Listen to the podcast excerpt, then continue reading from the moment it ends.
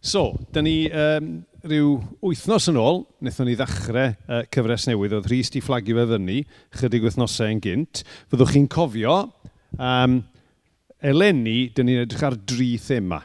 Wnaethon ni edrych, e, e, i fyny at yn adolyg ar yr eglwys fel teulu, ar eglwys fel uh, cymuned, a wedyn, um, na ni, na ni, uh, da ni'n symud ymlaen nawr i edrych ar yr eglwys yn estyn allan.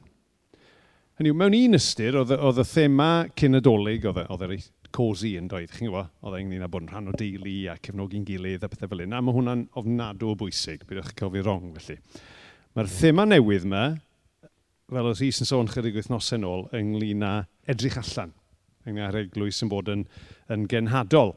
A'r holl bwynt o'r negeseuon yma, uh, yr ei cynadolig, yr ei nawr a'r ei gwahanol fydd tan yr haf, ydy i ni fel unigolion i feddwl, wel, be mae hwn yn golygu i fi?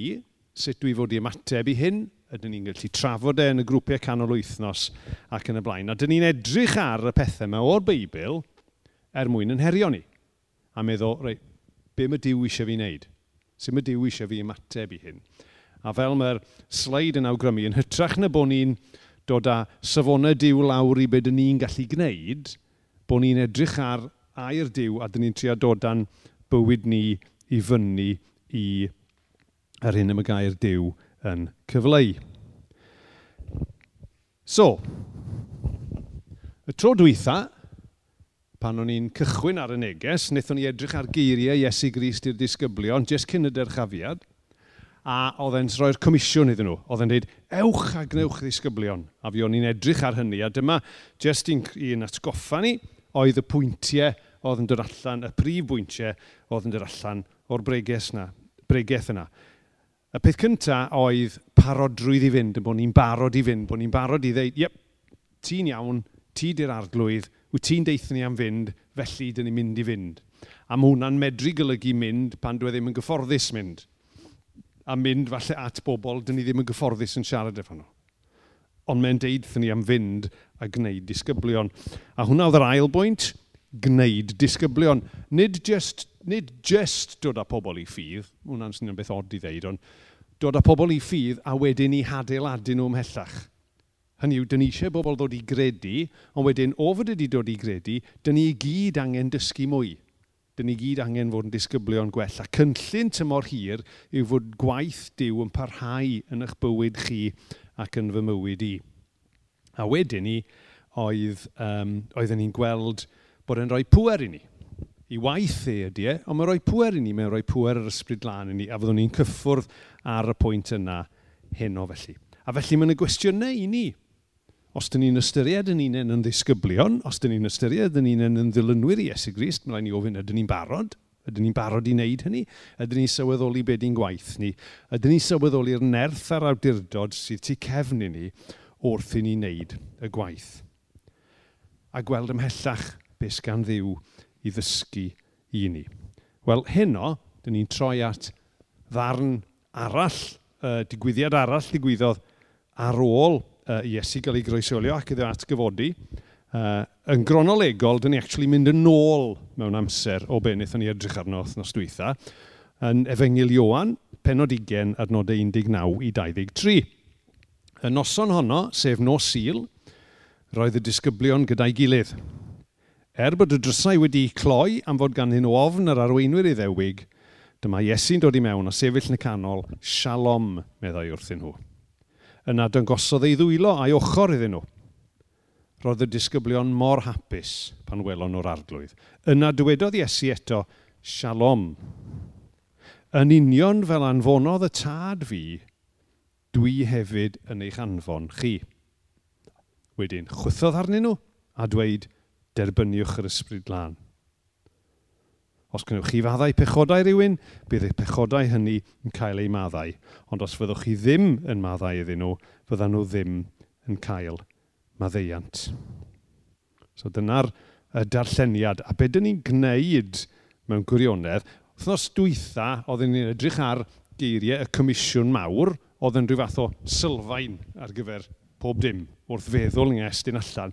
Wel, môn yn sylfaen pellach. A fel o'n i'n deud, yn dechnegol, dyn ni wedi mynd nôl mewn amser o pan nath Iesu roi'r comisiwn mawr. Dyn ni'n mynd yn nôl yn agosach at, at yr atgyfodiad, achos oedd y disgyblion wedi dychryn, doedden nhw'n gwybod be oedd wedi digwydd.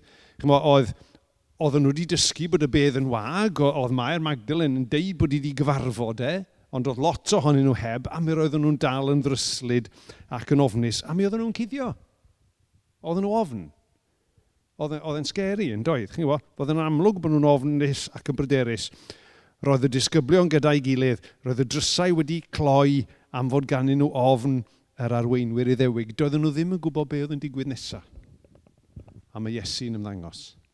A mae o'n yn un o gyfres nawr o droion pan mae Iesu Grist yn ymddangos. A mae'n ymddangos mewn ffordd rhyfeddol, achos mae'r drysau i cael. Oes logic yn y peth, mae'r drysau i cael a mae Iesu yn ymddangos atyn nhw. A mae'n beth da i ni gofio, mae beth mae Iesu'n neud fan hyn yw, mae'n dod at y disgyblion pam maen nhw fwyaf nyrfys, pam maen nhw ar ei gwanna, pam maen nhw'n gweld eu hangen yn fwy na dim byd. Dwi am yn dod at nhw pam maen nhw'n llawn hyder, dwi am yn dod at nhw pam maen nhw'n llawn uh, fatha hyder ni be maen nhw'n gallu cyflawni. Na, mae'n dod at nhw pan maen nhw ar eu gwanna a'i mwyaf ansicr. A mae'n siarad gyda nhw.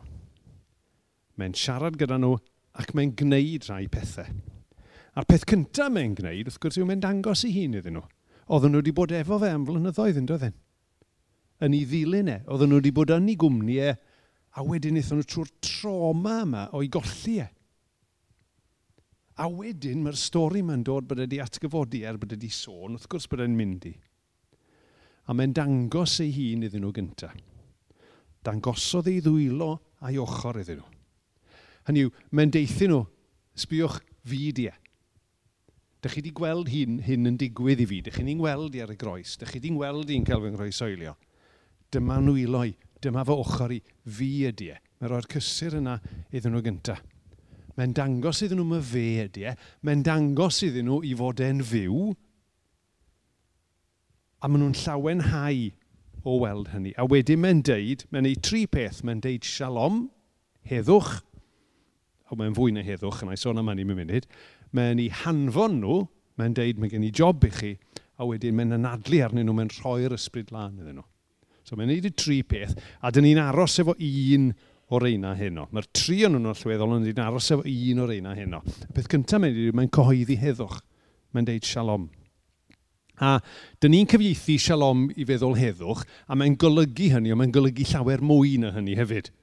Mae shalom yn golygu cyfiawnder a lles a bendith. Mae rhyw ddymuniad eang iawn o, o, o fendith diw ar ei bobl o. A mae'n air o fendith sy'n gallu tawelu i ofnau nhw. A wedyn mae rhoi gwaith a phwrpas a nerth ar gyfer hynny. A'r geiriau dwi eisiau aros gyda nhw heno, achos bod ni'n edrych ar yr eglwys yn edrych allan ac yn estyn allan, yw y geiriau yma sy'n dilyn. Yn union fel anfonodd y tad fi, dwi hefyd yn eich anfon chi. Yn union fel anfonodd y tad fi, dwi hefyd yn eich anfon chi. A mae hwnna'n ddeud mawr pan ydych chi'n meddwl amdano fe. Mae'n anferth o beth mawr i'w ddeud, a dyn ni angen deall be mae hwnna'n feddwl gan yn bod ni'n edrych ar y syniad yma o'r eglwys yn estyn allan. Anfon bod Iesu Grist yn anfon ei ddisgyblion bod yn anfon chi a fi yn yr un ffordd anath y tad ei anfon e. A newn ni edrych ar jyst rhai pwyntiau'n yn unig heno, jyst rhai pethau sy'n taro fi allan o'r darlleniad. Ond be mae'n neud mewn gwirionedd, mae'n ategu rhywbeth mae Iesu Grist wedi deud yn barod. Nôl yn penod 17, oedd Iesu Grist yn gweddio dros y disgyblion. A e, nath e ddeud wrth gyflwyno i ddisgyblion i'w dad mewn gweddi, mae'n deud, dwi yn ei hanfon nhw allan i'r byd yn union fel ei wnes ti fy anfon i. So dyw hwn ddim yn syniad newydd, mae wedi gweddio am y peth dwi yn ei hanfon nhw allan i'r byd yn union fel y gwnes ti fy anfon i. A pan ydych chi'n meddwl am y geiriau yna, a meddwl be oedd e'n golygu, y ffordd oedd Dyw wedi anfon Iesu Gris, y cwestiwn cyntaf yn y gofyn ydy e'n bosib? Ym mha ffordd, ym mha ffordd mae'n gallu deud i fod e'n yn hanfon ni yn yr un ffordd uh, a, a, a bod Iesu'n yn hanfon ni yn yr un ffordd yn ath y tad i anfon e. A dwi wedi angon, faint sy'n mynd yn? Chwech e? Pimp? Pimp. Pimp point. Okay? Sorry, dyna ni wedi'r hifo nhw'n ytrach na ddefnyddio bullet points. So hwnna wedi bod llai embarrassing wedyn, yn bysau. Mae roi'r un dasg i ni, a mae hwnna'n ymwneud â'r deyrnas. Mae roi'r un neges i ni, a mae hwnna'n ymwneud â gobaith. Mae'r un gynulleidfa, angen y neges, pobl mewn angen. Mae roi'n yr un awdurdod a pwer i ni, a mae roi'r un gwaith i ni, a mae'r un gwaith yna yn golygu aberth. So, ewn ni trwy'r pwyntiau yna yn fesul un. So, y pwynt cyntaf, yr un dasg. Be oedd gwaith Iesu Grist ar y ddeiar? Be, os, os, a, os, a os dyn ni'n dysgu be oedd y gwaith yna, be di'n gwaith ni heddiw? A gwaith Iesu Grist ar y ddeiar oedd edrych ymlaen i'r groes wrth gwrs, ond be oedd e'n neud? Oedd e'n dod â'r deyrnas yn agos at bobl. Oedd e'n dod â'r teyrnas ddiw i gyfarfod efo pobl yn ei hangen. Oedd e'n edrych ei gwmpas, oedd e'n gweld yr angen, a oedd e'n dod â teirnas ddiw yna. A teirnas ddiw ydy lle mae rheolaeth diw yn amlwg. Mae diw in charge, mae fendithau, mae rheolau, mae drefnau. dyn ni'n gweddio fe'n gweddio'n arglwydd, yn dyn ni'n gweud deled dy deirnas. Dyn ni eisiau deirnas ddiw fod yn agos. Dyna oedd pwrpas gweinidogaeth Iesu. Chi'n cofio pam yn lyc penod pedwar, pam oedd e'n ddyn cymharol ifanc, oedd ei ddarllen yn y synagog, a nath ei ddarllen y uh, uh, uh, sgrôl yn do. A nath ei ddarllen y geiriau yma, mae ysbryd yr arglwydd arna i. Oherwydd mae wedi fy eineinio i gyhoeddi newyddion da i bobl glawd. Mae wedi fy anfon i gyhoeddi fod y rhai sy'n gaeth i gael rhyddid a phobl sy'n ddall i gael ei golwg yn ôl, a rhai sy'n cael ei camdrin i ddianc o afael y gormeswr. A dweud hefyd fod y flwyddyn i'r arglwydd ddangos ei ffafr wedi dod. A wedi mi ddidodd yr e'r geiriau hyn wrth yr crewd oedd yn gwrando – mae'r geiriau yma o'r ysgrifau sanctaidd wedi dod yn wir heddiw. A oedd e'n deud hynny achos fe oedd yn cyflawni yr addewid trwy'r proffwyd. Dod a teirnas ddiw yn agos at bobl. A mae Iesu yn deud wrth ei ddisgyblion am ddeud, ddeud hynna hefyd. Pam oedd e'n anfon y disgyblion allan, oedd e'n deithio nhw, dwedwch hyn cyhoeddwch y mae teirnas ddiw wedi dod yn agos atoch chi. Didwch wrth y bobl fod teirnas ddiw yn agos. Nawr yn amlwg, mae rheolaeth diw i fod yn amlwg yn ein bywydau ni yn unigol a fel teulu o bobl ddiw. A'n gwaith ni felly ydy cyhoeddi y newyddion da yna. Bod yna rhyddid i gael. Bod yna olwg i gael. Bod yna obaith i'w gael. Ond dim jyst deud hynny, ond dangos y hefyd, yn, tang, yn tasg ni ydy coeddi a dangos holl obligiadau'r ddeirnas. Fel y wedes i, neges Iesu'r disgyblion oedd, didwch wrthyn nhw, y mae teirnas ddiw wedi dod yn agos atoch. Bod ni, fel ei ddisgyblion e, yn dod â teirnas ddiw yn agos at bobl bod nhw'n medru synhwyro fe rhywsut, bod nhw'n cael blas o deyrnas ddiw wrth fod yn yn cwmni ni. A mae hwnna'n ddeud mawr. Ond meddyliwch yn fe, bod ni'n dod ar draws pobl, ac jyst wrth yn bod ni'n dod ar eu traws nhw, achos bod Dyw yn dod gyda ni, bod pobl yn medru cael blas o deyrnas ddiw pan ni'n dod atyn nhw. Nid bod ni yn wneud rhyw sioe ac yn diddori pobl a pobl yn gweud, wel, e- e- oedd e'n ddiddorol mynd i Cyrsalem heno, a oedd hwnna'n wahanol, ond bod ni actually'n dod a bobl at deyrnas diw, a bod pobl yn medru meddwl, oedd yna rhywbeth gwahanol yn fanna. Mi oedd rhywun mwy na fi yn fanna yn ceisio siarad gyda fi.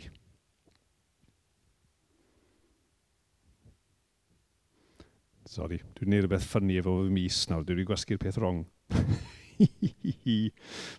Reit. Yr un dasg, yr un neges, hwnna di'r un nesaf. Yr un neges gynnon ni.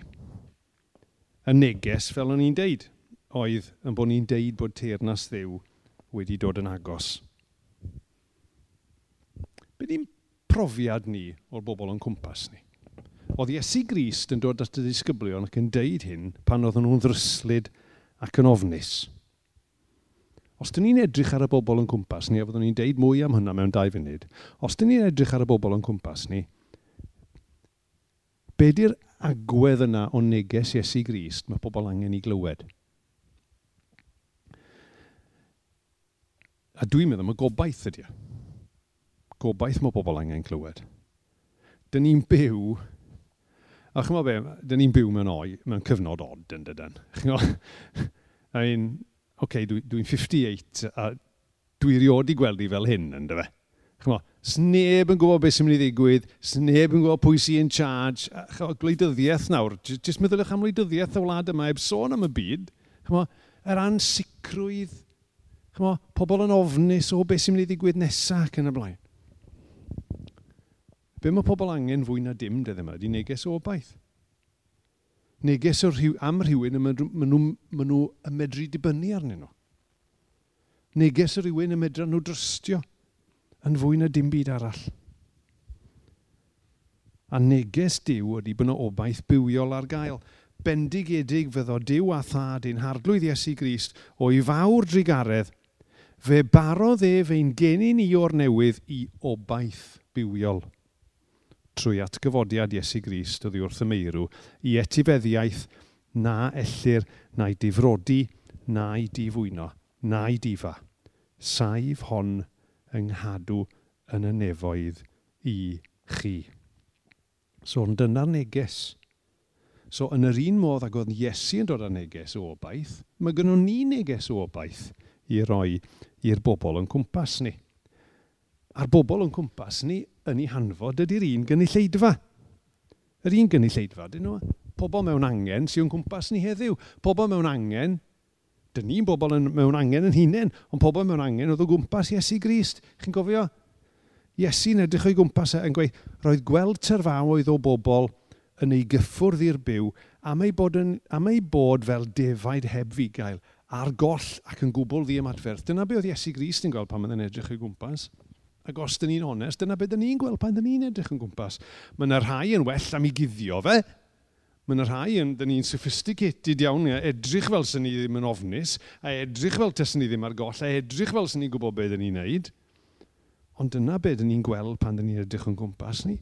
Anghenion yr un fath o'n i sôn, oedd, oedd ni abys yn ei roi Stanley Jones reference. Dim ond dain i dri, ond chi fydd yn deall y Stanley Jones reference. Stan, o Stanley'n ddiacon yma pan nes i yma gynta. A dwi'n cofio, oedd e'n dosbarth ysgo sil pam, pam oedd gynnon ni'r hesi, oedd e ryfflu fyna lle mae Karen y Gwyn yn eistedd.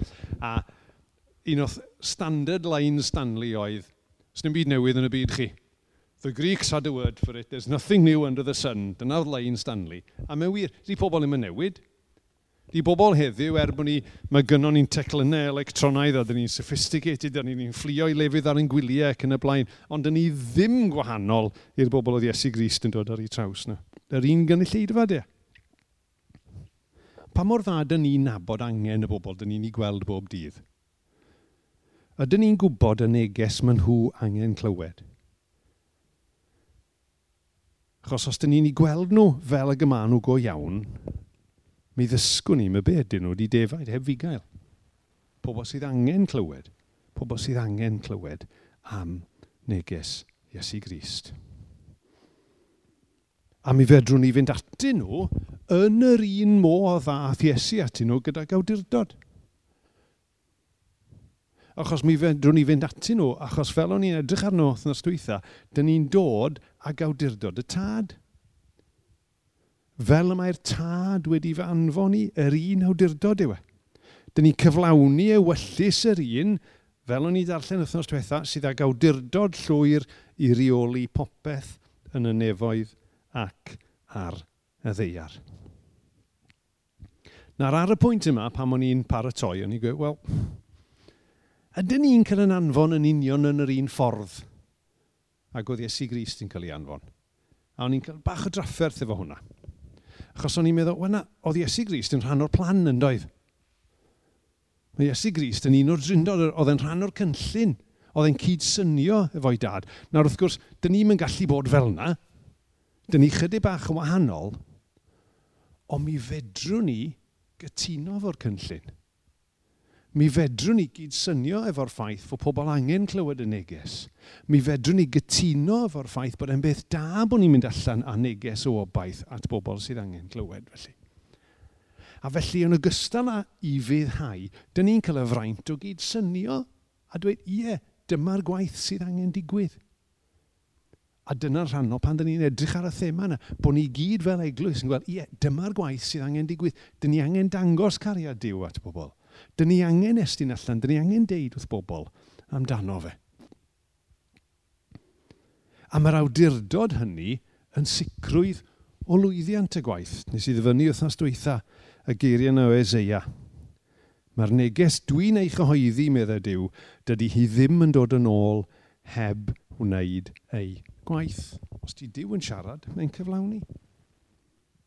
A mae'r awdurdod y nef ar gael ar ein cyfer ni tra dyn ni'n cyflawni gwaith y nef. A wedyn ni, dyn ni'n dod i'r pwynt ola. Yr un gwaith ydy e. A wedyn dwi'n gofyn i fy hun, a hwn di'r darn mwyaf heriol, ydy e'n galw am yr un aberth. A fan hyn dwi'n rili really stryglo. Fan hyn dwi'n rili really stryglo. Achos, be di'r gos, be oedd y gos di Esu Grist? Dyn ni'n gwybod be oedd y gost Iesu Gris dath e'r groes. Gollodd ei fywyd, gath ei wahanu oddi wrth i dad. A pa mae e'n deud bod e'n anfon ni yn yr un ffordd, ydy e'n, ydy en golygu hynny? Mewn rhai llefydd mae e'n golygu hynny. Ewch i wledydd, dewch yma nos sil nesaf, a siaradwch efo bobl sy'n gweithio yn Gogledd Corea, a gofynnwch iddyn nhw be fydde fe'n golygu iddyn nhw, tysau fe'n cael ei ddatgelu bod nhw yna fel cenhadon, fydde fe'n golygu bywydau nhw. Ac felly rai pobl, mae'n golygu hynny, ond i bob un ohono ni, mae'n costio rhywbeth. Mae yn costio rhywbeth. A mae Iesu'n deud wrth ei ddisgyblion, os di rhywun am fy nilyn ni, rhaid iddyn nhw stopio rhoi nhw eu hunain gyntaf. Rhaid iddyn nhw aberthu eu hunain dros eraill a cherdded yr un llwybr a ni, a mi. Dyna naeth Iesu Grist. Pam oedd Iesu Grist yn yr ardd, oedd e'n real iawn iddo fe. Oedd e'n gwybod beth oedd o'i flaen e. A mae'n gweddio, dad, os wyt ti'n fodlon, cymer y cwpan chwerw yma o i arnau. Ond paid gwneud beth dwi eisiau. Gwna beth rwy ti eisiau. A mae'n yn galw ni i wneud yr un peth, a mae'n gallu dychryn i chydig bach – achos mae'n golygu gollwng gafel. Mae'n golygu falle, bydd pethau ddim yn troi allan yn union fel oedden ni eisiau. Mae falle'n golygu fod pethau mynd yn groes i be oedden ni'n dymuno. Ond mae yn yn galw ni wrth yn hanfon ni i ildio i'w arglwyddiaeth e. Ond wrth i ni ildio iddo fe fel arglwydd, mae hefyd yn gofalu amdano ni. Dyn ni'n ildio i'w arglwyddiaeth e, ond dyn ni'n ildio i'w ofal e hefyd. Felly,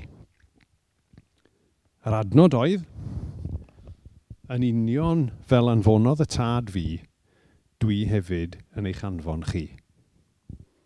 A fel yn gweud, mae'n mae, mae cymryd y bach o amser i feddwl, waw, yn union fan oedd Dyw anfon Iesu Grist, mae Iesu Grist yn ein hanfon ni, ond mae wedi roi'r un dasg i ni.